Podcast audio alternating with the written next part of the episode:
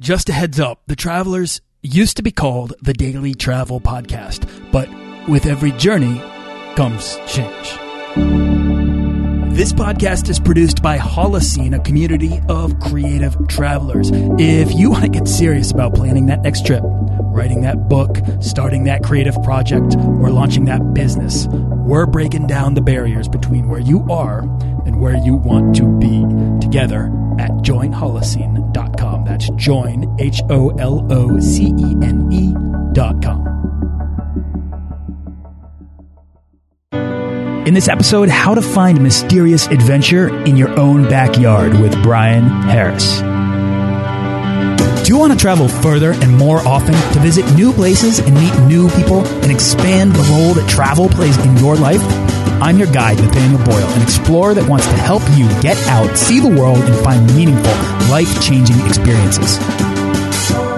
Everyone wants to be adventurous and have great stories, to do the stuff of legend. This is the Daily Travel Podcast.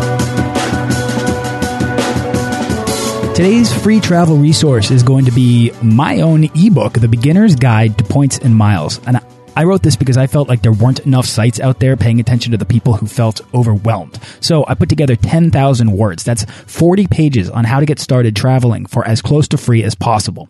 This podcast is about crushing the things that prohibit us from making travel a bigger priority in our lives. And cost is at the top. Points and miles are the best way I know to get over that hurdle and become an explorer of the world. This book is yours completely free at dailytravelpodcast.com.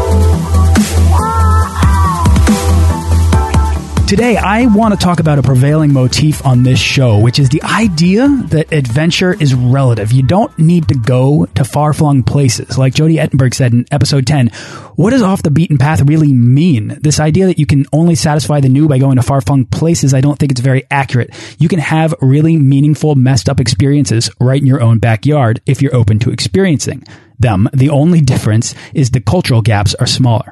And what she means in, in those words is that it's the curiosity, the openness, the freeing of the mind that's more important to exploration. Travel assumes distance, but exploration can happen anywhere. And wherever you explore, there is adventure waiting for you. It's an easily dismissed idea, this one that you can localize your travels to an adventure, uh, to find adventure, but it's realistic and actual. And Today, we're going to talk about doing it. I want to explore what we really mean when we say you can find adventure in your own backyard. You can explore the world nearby and still find life changing things if you're open to them. I asked my friend, a listener of the show, an aspiring adventurer and untethered entrepreneur, Brian Harris of videofruit.com to come on the show and chat with me about a little side project he has been working on to answer the call to adventure that he hears but in a way that doesn't involve big distance or money or time. Uh, I will also quickly say that if you're a travel blogger or podcaster, Brian's website is worth following and studying. So check that out at videofruit.com. Let's dive right into this. Brian, uh, what's going on, man? How you doing? Hey, doing pretty well. How about you? Oh, I'm doing awesome. It's a warm, a sunny day up on Cape Cod. And where are you right now? I'm in Nashville, Tennessee, and it is uh, warm and rainy. Warm and rainy. That's a fine town, though. Though I always have a blast every time I go down to Nashville. I'm a big fan of the town. We moved up here five years ago, and uh, yeah, we we love it. Yeah, I would never get tired of just going out and having fun. The music there, I, I you know, I got to be honest. I'm sorry to any country music fans out there. I'm not a country music fan, but man, I straight up am when I'm in Nashville because the musicianship is so good. It is pretty incredible. Everybody that moves here has a guitar, has owned a guitar, or has had their guitar stolen. So it's, it's everybody's a singer or wants to be a singer. That's it. I play guitar. I just I love. I play drums. I play piano also. I love just coming down and just seeing people throw down there. It's a blast. Uh, Brian, if you could go to one place in Nashville to catch a good live act, where would you go? Oh, the Bluebird Cafe is probably the the most renowned. I think it's on. I haven't watched it, but there's a, a, a show now called Nashville, and it's pretty popular on there. But it's probably the go to place. But anywhere on Broadway or Second Avenue downtown, they always have. And the thing is, like the talent is so rich that uh, you can walk into some hole in the wall place and see a guy that a year from now have a number one hit. So it's it's pretty wild. Yeah, it's uh, that. I was at a bar there one night, and it was just I was just hanging out. We were just like tourists in town, really, uh, sitting there. And then all of a sudden somebody got up on stage and I'm like, all right, who's this guy? What's going to go on? And it was, it ended up being one of the top three best live acts I've ever seen. And that includes some of the biggest shows I've ever seen. Yeah, it is. It's really incredible. All right. So I gave a brief overview of you, Brian, but I want you to tell us about yourself, who you are, and where travel fits into the picture of your life. Oh, oh man, I don't, I don't have a good answer for this. Who I am? Uh, now I run a site called Video. I'm an entrepreneur. Have been since I was seven years old. So everything I've done is kind of led towards what I'm doing right now. Uh, but I first got into travel in 1999. Actually, my uh, grandfather was an insurance salesman, and if he hit a certain quota or certain goals throughout the year, he would get a free trip every year. Uh, so in 1999, for some reason, he decided to take me, and we went to Italy, went to Rome. I went to Rome, Pompeii, and Naples. And I was kind of, I mean, when you're 16, at least me at 16, it, I didn't really appreciate any of the stuff we saw. I mean, I did on some level, but not, not fully. Um, and then I didn't really go anywhere, especially international or much less around the U.S., honestly, until 2004. And uh, this is a fun story. I was uh, actually engaged and a week away from getting married. And the girl I was about to get married to well, I technically broke up with her, but she really broke up with me. I just did it to, so I could say I broke up with her. Uh, but anyways, we broke up a week before the wedding. And, you know, obviously there's a lot of emotional stuff that goes with that. So, uh, I happened to know some friends. It was actually the preacher at the church I grew up going to. Uh, he was a missionary and he actually was born in Africa, born in Zimbabwe. And, uh, at the time they had moved back over there. And, uh, about a week later, maybe after the wedding was supposed to happen, I was laying in bed and my mom walked in my room. I was still living at home. Uh, guess I was getting ready to move out when we got married, but she walked in there and said, Hey, Sandy's on the phone and, uh, kind of a wild random thing, but, uh, she said, you ought to come to Africa. So that was a Tuesday. I didn't, had, didn't have a passport. My passport had expired from the 1999 trip. When you turn 18, I think it's, um, doesn't last as long. Anyway, side point. Uh, so I drove Tuesday, got up out of my bed, drove to New Orleans, submitted my passport information, drove back home. Wednesday got up, drove to the passport office, picked up my passport, which if you've ever tried to get a passport, that alone is like impossible to do. uh, and, but this was, no, this was post 9-11. This was 2004. So, um, anyway, so, um, the next day, uh, drove back Wednesday and Wednesday evening, I flew out to Johannesburg and spent, uh, two and a half months in South Africa and Zimbabwe. And I really, that, I think that has kind of been the impetus of me, wanting to travel, kind of getting the travel bug. And since then, I haven't traveled a ton, um, but I've been to Mexico, uh, multiple southern Mexico, northern Mexico a couple times. Uh, been uh, to Africa, to Italy a few times, uh, different places. So um, you know, it's been fun. I, definitely is something I want to do more. It's kind of probably what most people have experienced with traveling, wanting to do it but not making the time for it. Um, so that's kind of led us to what we're currently focusing on. But that's kind of the backstory of of my travel experience, which is fairly minimal compared to anybody you've interviewed so far. So no, uh, it's right in line with a few of a few of my guests. So don't worry about that. But uh, what were you doing in South Africa that kept you there for two and a half months? Yeah, I was just escaping. Uh, that's the best. Sometimes that's the best thing you can do. Keep just going. To be honest, I was just avoiding uh, facing reality. Uh, but no, they were missionaries. So we, you know, we did a lot of church related stuff, did a lot of sightseeing as well. I went to Victoria Falls, went to a place called Antelope Park, went to uh, another place called Kruger, I think is the name of it in South Africa on the East Coast, which is, well, I, I, me and my wife need to go back there ASAP. It's just that whole Zimbabwe is really sad, honestly. It is one of the most beautiful places on earth, but is run by a complete Yahoo. So, uh, it's really hard to go there depending on what what time of year, or not really what time of year, but how close you are to an election and what his temperament is that day. Um, but especially for novice people, it can be a fairly intimidating place to go to, but just completely insane. I mean, did some really cool stuff while there.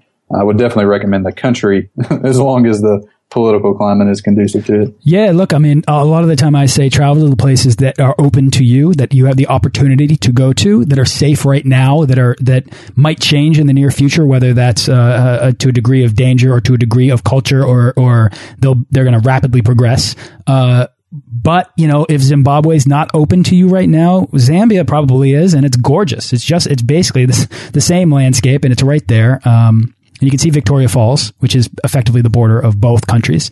Uh, and it's a great way to, to to experience that part of the world. I loved it there. There is a the, the only thing I regret not doing is there's a, a, Victoria Falls bridge. There's a bridge that kind of around the corner from Victoria Falls that crosses over.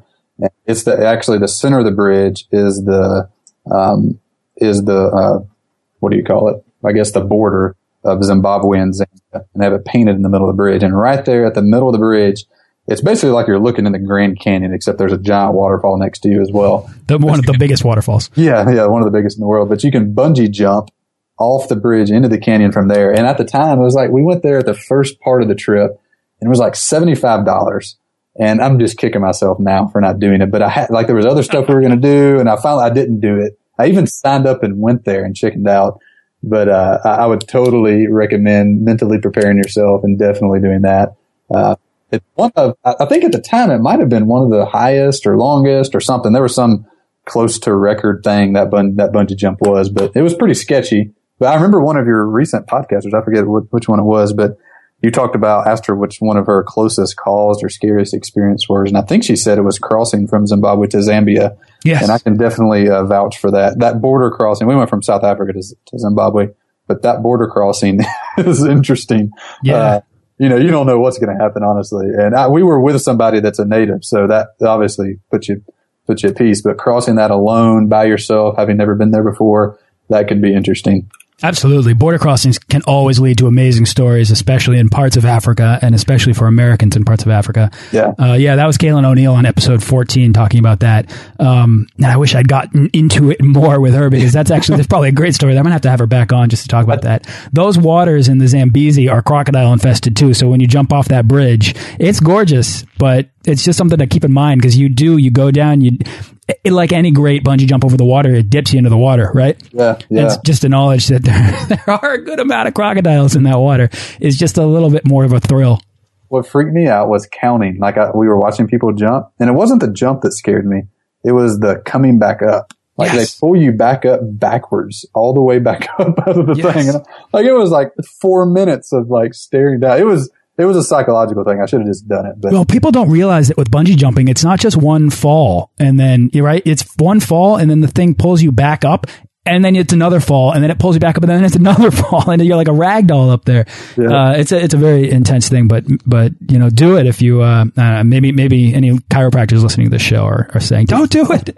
Absolutely. Definitely a cool experience. When we were crossing the first time between, uh, South Africa and Zimbabwe, uh, I had a video camera and I was, I was 21, 22, fairly dumb, hadn't traveled much internationally, especially to Africa at all, which is kind of a different deal than Europe. Very. But we were crossing the border and I was videoing everything. And we got out at the border and we were pulling a trailer behind us. And, you know, you could be stuck at the border for days if they don't want you to cross, you know. Um, but we were sitting there and uh, we get out of the car. They're inspecting. We had a trailer we were pulling. They were expecting it to make sure we weren't smuggling anything. And I get out with my, my video camera and start videotaping the whole like inspection process. Oh no. The guy I was with kind of gave me like the evil eye a little bit. So I got back in the car and he got back in and said, man, he said, uh, don't ever do that again.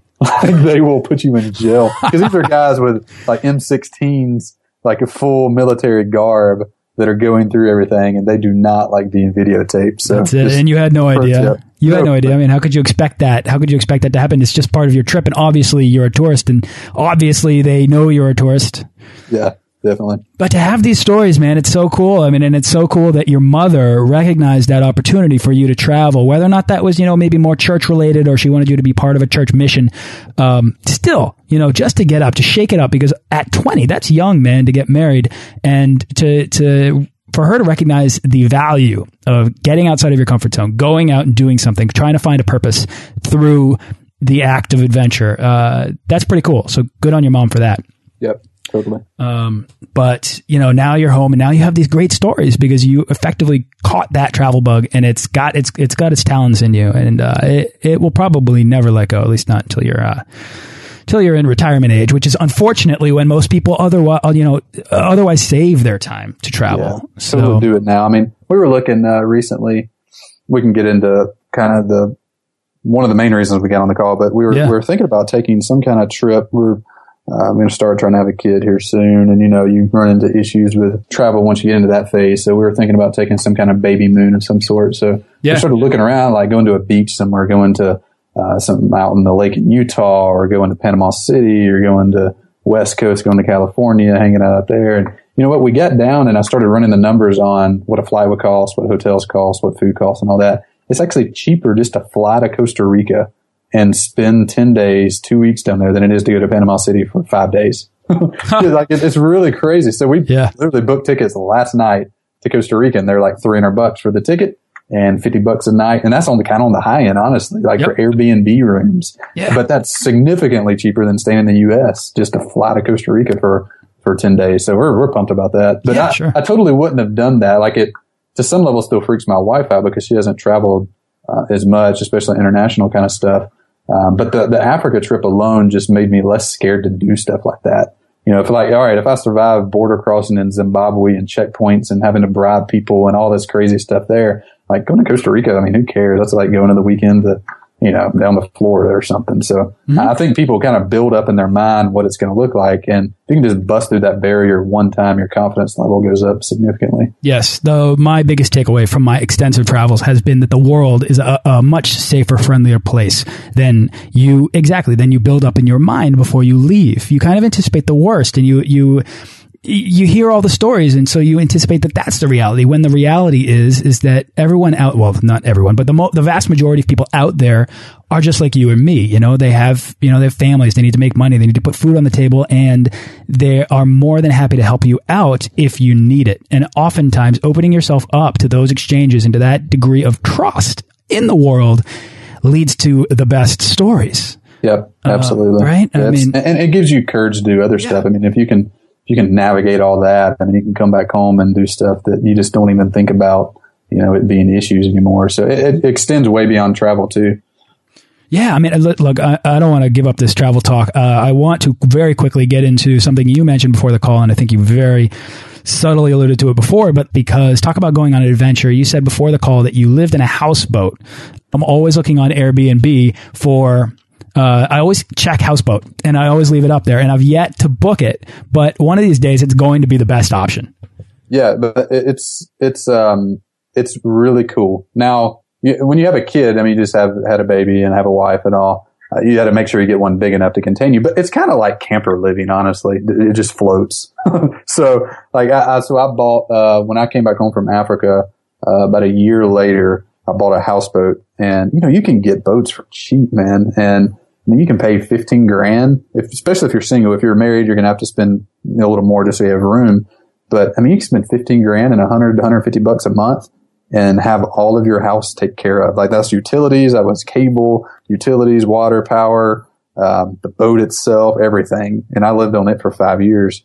Uh, and it's just really cool. I mean, you can just the adventures you can have on that. I mean, we had a ski boat, so I'd take it up and invite friends out for the weekend, and just we lived in a river system, so you could literally drive from from Mobile to Miami in the Intercoastal Canal, um, you know, and go all over the place. So it's it's very very cool. I'd highly recommend it. How how big are these? Uh, was the houseboat that you lived on? The one I had is uh, probably s- uh, one of the smaller liveaboards, but it would be it was uh, 14 foot wide and 42 foot long. That's pretty big. It was decent size, but it had a lot of deck room on it. So the front deck was probably 10 by 10. I had a full deck on top that was all just open. Um, and then the back deck was probably 5 by 14. Um, so the, the interior was smaller. I think it was 250 square feet or something if you added it up like that. But for a single dude, I mean, it was, it was perfect. Honestly, it was great. There was no upkeep. Uh, was, I lived at a, I had a park at a yacht club. So there was a restaurant right near me and a pool and all kind of stuff. And, uh, I mean, you can, you can live really, really cheap on a boat. I mean, a lot of people do sailboats. It's harder to get a big sailboat that's really livable. Uh, houseboats tend to be, they're not quite as mobile as a sailboat if you live on the coast, but there, you can get a lot more boat in a houseboat and have more room to, to have people over and uh, hospitality and all that. You know, talk about adventure in your backyard with a houseboat. You don't even need to leave home. Absolutely. Yeah. There's, there, we literally, literally live about two miles from this lake and, uh, and it's huge. It's like 50,000 acre lake or something, which is massive. Um, and there's one marina on it that has houseboats. And I really, when I first moved to Nashville, I really wanted to plop down some money and just go live on the lake and motor around there. Um, because it's great, man. You can have a ton of fun on those things and it's unique. I mean, you can, I mean, you can make friends. You can have your friends over and it's very different than having your friends over for dinner at your house. You have them for dinner in your houseboat and you can drive 10 miles while you're having dinner and anchor out in some cove and go cliff jumping or hang up some hammocks or swim or do whatever. It's just very different and it's very unique. See, now we're getting a glimpse into your mind and why it's just a little bit maybe freer than than the average person. Uh, you know, a willingness, a willingness to live on a houseboat, even in your early twenties, is still a super unusual thing to do, Brian. But I, but I love that because you're you're clearly, I mean, you escaped South Africa, you come back, and uh, it sounds like that's what you that that was the next place you lived. Am I correct? Yeah. Yeah. so like, obviously, you were kind of you were looking for something a little bit different. You were looking for um, a little bit more adventure day to day in life. That's cool because you know, I mean so many of us travel for that opportunity to, to, to like to get back to seeing the world through childlike eyes again, right? And to reawaken the sense of wonder and awe about everything around us. And uh, as kids, we have these sort of aimless adventures uh, uh, in the mysterious landscapes of our backyard. We've lost that as adults and, you know, into our twenties and well into our thirties and, you know, and we miss it. And travel affords us the opportunity to sort of reconnect with that playful feeling or if we're young enough to never let it go. We think we need to do, to do these drastically, you know, to go to these drastically far flung places or these new places for that feeling. And I, and I do think that that's inaccurate. So what if you don't have a houseboat there? I want to, I want to talk with you now about small adventures. And what if you live in a suburban environment, right? That's sterile, that's predictable, that's safe, you know, comfortable. How can they find adventure to satisfy that travel bug. They, they might be hearing on a day to day, you know, on a day to day basis when they go to their, when they go to work or you're, or you're commuting, or even if you work from home right now, you're still saying, all right, well, I've got this going and I want to travel more this is why I brought you on the show, and I want to chat about what you're up to and how you're solving that problem for yourself. So I grew up on the Gulf Coast, and every year they would have something called the Deep Sea Fishing Rodeo. It's at a Dauphin Island, just in, about as far south as you can go in Alabama without falling off. And every year they would have uh, different classifications of fish, and you'd go out, and whoever caught the biggest fish in different categories would win the prize, and it'd be a large cash prize. And red snapper, uh, I don't know, they've regulated the season so much now. I'm not sure if it's still a part of the rodeo I remember one year, uh, I, I, was a young teenager and I paid really close attention to it. Me and my dad would watch the news every night to see the weigh in and see who had the biggest fish. And we'd go down there and look at the fish and it was really cool. And the one year we paid the closest attention to it, the guy that won caught the biggest fish, uh, like a half a mile from the pier where you weighed in at all these other people are going out hundreds of miles, literally. They'd go to Louisiana and just go all, go out 50, 100, 200 miles out in their boats to all these rigs and reefs and all these places. Yeah, the one called his fish. Literally, you could have caught it in a John boat if you wanted to. The, the point of that is like you don't have to travel to Paris to go on an adventure. You don't have to travel to Paris to see really cool stuff that happened a long time ago that's interesting to you. You don't have to go to Paris to find really interesting things. Like there's, uh, in Nashville particularly, we were trying to figure out some cool things to do without having to travel internationally. And uh, we found uh, when I first moved to Nashville, there's a, a, lake about two miles from us, and I, were I was told stories about when this lake is a man-made lake. Uh, they dammed up a river and created this lake. I was told that when they did that, there was a couple towns that were buried under the lake, and for some reason that was just really intriguing to me. I've been around water my whole life. I lived on the water for a while, you know, wakeboarded, fished, did all that. Um, so it was really intriguing. I never heard about that kind of thing before. So uh, that was kind of in the back of my mind. And recently, uh, me and my wife, I told her, I was like, you know, this summer we need to. We actually sold our lawnmower on Craigslist and uh, and bought two canoes. Uh, we bought we bought we could have just bought one because there were only two of us, but we bought another one so we could take people with us. Uh, and our one of our goals was to kind of explore that lake and to find out the stories behind it. And the first one I wanted to find out about was this town that's supposedly buried under the lake. So I start doing research and we started a little blog so we could talk about our adventures. It's 32islands.com because there's 32 islands in this lake and we want to see all of them before the end of the summer. Um, so we started digging into and researching the history of uh, this city that was supposedly buried. And you go, and the name of it is Old Jefferson, Old Jefferson, Tennessee. And we started finding this information. It was once the county seat. It was once considered to possibly be the capital of the state of Tennessee. It was founded in 1802 by these two buddies, and we found like pictures of the old town and drawings. We found the original plots where they subdivided out the land and were selling it in the early 1800s. Uh, I mean, this was, I don't know, 30 years after the American Revolution. Like this is really, really early America stuff. Um, and these yeah. are just unexcavated discoveries that you're that you're like happening upon. This was a lot of online stuff. So we went to the library, did a lot of research online. We're finding all this. We were just trying to find out about the town. So you Google Old Jefferson, you go to the Wikipedia page, and it says that this town is buried under Percy Priest, which is the name of the lake. Well, we start, I, my main thing I wanted to find out was where is it? Like when I go canoeing, I want to be able to go to the spot and point down and say, Old Jefferson is, is a thousand feet under me. Like that was kind of my goal. So I'm trying to figure out where it is, and to find out where it is, I have to find out about it. But I never could find a map anywhere that that pointed and say, "Hey, this is where old Jefferson was." And finally, we uncovered this map of uh, from 1916. So this is 100 years after the town was founded. But on this map, it had the old Stones River, which was the the river that wound up being dammed up, uh, and it had old Jefferson laid out on it. And then I found a, a zoomed in map that even showed where the houses were. So I took that went to Google Maps, just showed the aerial satellite view and overlaid them over top of each other and kind of made the Google map a little transparent and discovered that old Jefferson actually was never flooded. Like the, the Wikipedia page says Interesting. it was. A lot of old history says it was. Yeah. Um, you know, every local newspaper article says old Jefferson is buried under Percy Priest, and it wasn't. So this just kind of is the adventure we're going on, trying to figure out what's up with old Jefferson. That's right. Um, so uh, we found out that when they flooded the lake, there was actually this extensive cave system to the east side of the of the Stones River. And when they flooded the lake, a lot of the water that they had planned to come down to Old Jefferson, this was the Corps of Engineers doing their studies, uh, actually wound up going in this cave system and popped up two other lakes that they hadn't planned on creating. And they, they're connected. Like if you look on a map, they're not connected on the surface, but underneath, underground, there's these cave systems that connect them. Um, so all the water that was planned to come down to Old Jefferson never made it there. So they actually burned down before, this is before they built the dam, they burned down the town, bulldozed it, kicked everybody out of it, and then nothing happened. this was a town that was really important. It was like the center of commerce, potentially the state capital, the county seat, and they just destroyed this whole town. But nobody had told that story at all. Um, so we wound up last weekend. We took our canoes, uh, found out the little, found out where the old town was. Now is just a bunch of trees there. And we went on our little adventure. and We took all day and canoed out to it, got out, videotaped a bunch of things, found all, a bunch of old foundations, found an old fence row that was still there, found the old bridge. Turns out that, uh, the, the main street of the town, Main Street, uh, was part of the Trail of Tears in the 1830s. You know, 4,000 Cherokee Indians came across it. So this is all, I mean, all this uh, people aren't probably super interested in, but it's a really cool story. But my point with all this is you can find really cool stuff like a mile from you.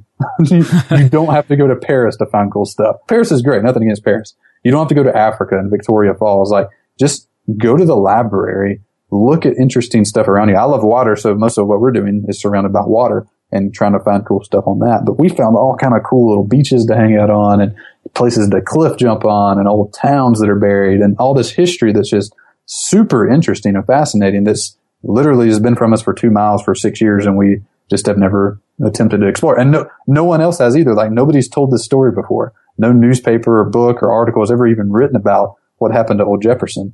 Um, so we're gonna we're gonna do that. I got I love it. So here, let me break this down. Step one: look in your backyard. Actually, just look. Take a minute, open your eyes, and appreciate where you are and what could be there. Step two: find that mystery. Step three: play detective. And that's the fun part, the playing of the detective. I mean, Brian, you're digging things up that really nobody else is paying attention to. You got your own little kind of mystery, your own little story uh, I, that's so cool, man. I mean, that's that's a really simple process, but it's it's right there, and you're having a whole lot of fun doing it, rather than having to spend because the you know to to get out there to see the world is not actually available to everybody at a, you know at any given moment, but your backyard is. And this is what we're talking about. So you're setting a great example here, and I just wanted to showcase that kind of an example in your backyard.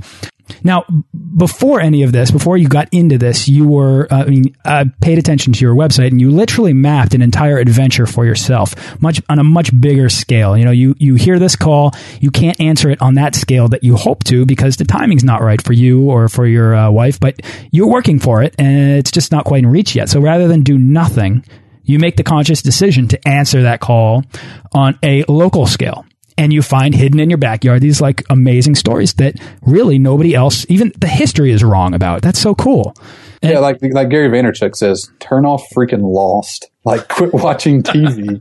and like, it, it cost us nothing. We literally sold our lawnmower and bought two canoes and did a couple Google searches and found this cool story, you know, and, and, and, you can do that stuff. And there's tons of other stuff out there that people haven't found and just go explore the history, American history a little bit and um, you know, you'll find all kind of fascinating things that you didn't know existed before, and it, it, doesn't cost anything. The stuff, even if you have kids, I mean, your kids would be into and enjoy. I mean, what kid doesn't like swimming in the water and cliff jumping and finding old 200 year old lost cities. I mean, that just sounds cool. Yeah, uh, right. Exactly. If you have kids right there, that let the kid pull you into his world. Let go yeah. on an exploration and let the kid make the decision, uh, because they're looking at the world more imaginatively than you, more likely. Yeah. Yep. Turn off Lost. I mean, that's it. Uh, I, I, and I love Lost, so it's hard for me to say that, but it, it's right there within within reach. If you, but it can be hard. It can be really hard to do that. And I like that you're kind of getting into the kind of the tactical way of going about this. If you listen to episode one, right, and like I, I hope everyone has uh, listened to episode one of this show. Uh, I come to a fork in the road, and my choice is to go home or to follow the music I hear that's playing in the air and explore that. Uh, I chose to explore it, and it changed my life. But if I were at home you know, I, I would simply have gone home and there's no two ways around it. Curiosity doesn't tug as hard when you're somewhere familiar. And part of that is because we don't expect anything new, but part of that is because it's easy to be lazy, right? Like how, how can we overcome the inertia of routine to get out and actually plan a micro adventure as Alastair Humphrey calls them?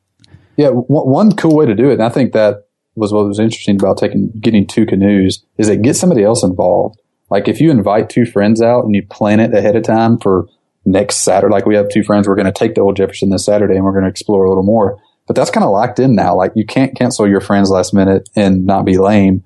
Um, but it's easy just to sleep in on Saturday and sleep to nine o'clock.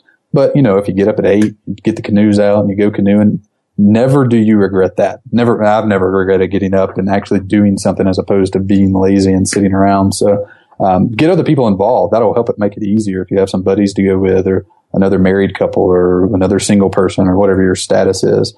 Um, that kind of helps you break out of that by just planning it ahead of time. And then once you do it one time, like I'm way more apt to go back to Old Jefferson now that I've gone once. But the first time is a little it's a little sketchy. It's like, I mean, I don't know if there's snakes in here. It's kind of like we got like 15 ticks on us. I mean, was, that part's uncomfortable. There were mosquitoes everywhere. But, you know, we're taking some friends back and now we know how to dress. Now we know how to do it a little better. So we can actually show people this and involve them in it. And uh, that definitely helps increase the odds that it will continue. Oh, you're listing the things that happen if you were, let's say, um, on safari or you're doing something that's a little bit more challenging. These are the, dis the, dis the, discomforts of that part of travel are there in your backyard. They're just maybe more familiar. So they, they you don't think of them as the challenges of travel. You think yeah. of them of like those annoyances yeah. that, you know, that you're, that you usually avoid by staying at home inside your living room. There are no ticks in your living room. You're going to be fine. But you know Unless what? That, just went stomping through the woods and now you have them. So yeah, that's it. But that's part of the that's part of the adventure. That's part of the challenge. Oh, yeah. It's fun. Yeah, it's totally fun. Totally. All right, Brian. I've been following your online business, Video Fruit, from day one, and I've watched it grow. Uh, I like to think that I've even had a chance to help it in some tiny way. it's been arduous for you, I know. Um, but yesterday, I noticed you booked a trip, and you already mentioned it. So uh, I just want to talk about uh, Costa Rica. And so you're going. It sounds like it's like hundred dollars a day. This is going to be the first trip that you've booked since quitting your job and doing your own thing. Is that right?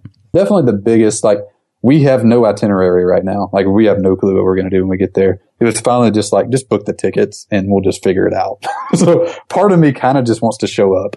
I've kind of talked about it in a few different places. So I've had people email me suggestions and uh, talk to you about it and talk to a few other travel people about it. So I kind of have a rough idea of some things I kind of might want to do, but I also might just want to go sit on the beach for 10 days. Like there's nothing wrong with that at all. Like you don't have to be Mr. Action Adventure, jump out of skydiving and all this crazy stuff 24 7. I think that's overrated to some degree.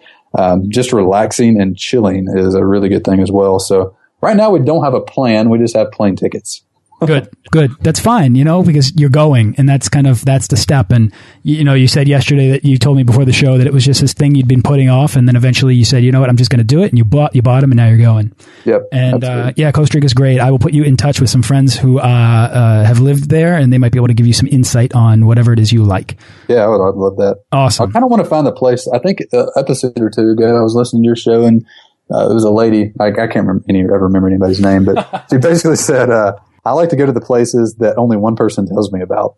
Like if two or three people tell me it's too touristy, but if just one person tells me and they're like, you have to go here, then that's like top of the list. Like that's kind of the places I want to find in Costa Rica. Like I could care less about the popular surf spot or the big resort and all that. I just kind of want to go find the local cool stuff that not a lot of people know about. All right. Is there anything else you want to share before we wrap up? I feel like that was it right there. That feels good. That feels good. Just like go sell your lawnmower, buy a canoe, and figure it out. Like go, like you can go to Barnes and Noble. So every Barnes and Noble has this section in the front of it, or whatever your local bookstore is, and it's the local section. and it's just about usually your state if you're in the United States or wherever you're at, other country potentially. But like we went uh, Sunday afternoon, we went by the local bookstore and found there's a whole shelf of books just about Nashville, just about Tennessee, and all kind of history stuff that 20 years ago would have bored me to death. But now I'm looking at it not from a learning perspective, looking at it from an adventure perspective of how can I go find that place? How can I go visit there and see it if it's off the beaten path? So just go do that. Go visit your local li- your local library or bookstore and see what's around you. I love that. If you and if you're not curious or you're you know you're not compelled to travel, but you're listening to this show for some crazy reason, find that one thing that interests you, you know, and, and, maybe it's on that bookshelf, maybe it's something that's happening in town, and let that pull you out of your comfort zone and let that guide you into new experiences. And who knows, you might come home with a new interest or at least a great story. Uh, Brian, awesome. Uh, is, where can people go to find out more about you, man? Videofruit.com. That's everything I do is over there. Um, just go check it out if you're ever one of the best ways to kind of free yourself up to travel a lot is to have your own business of some sort. And I teach a lot about that, how to do that, different tactics and strategies of how to how to just make some cash to free yourself up to go if you do want to do some longer hardcore international type of stuff to do that. So uh, if you're into that kind of thing, then it's gonna be a great site to check out. If not, I'm on Twitter. I'm at Harris underscore Brian with a Y. There you go. Yeah, check out Brian. He's got a lot going on. He knows what he's doing. He knows what he's talking about, and he's actually been extremely inspirational about it. And uh, that's why I just love talking with him. So, uh, Brian, thanks again for coming on the show. Uh, yeah, thanks, Nate. Appreciate yeah, absolutely. Thanks for listening to this episode of the Daily Travel Podcast. For show notes and links to everything in this episode and more, head on over to dailytravelpodcast.com. Join our Facebook page of explorers and subscribe to our newsletter for the best deals and resources to help make your next trip life changing.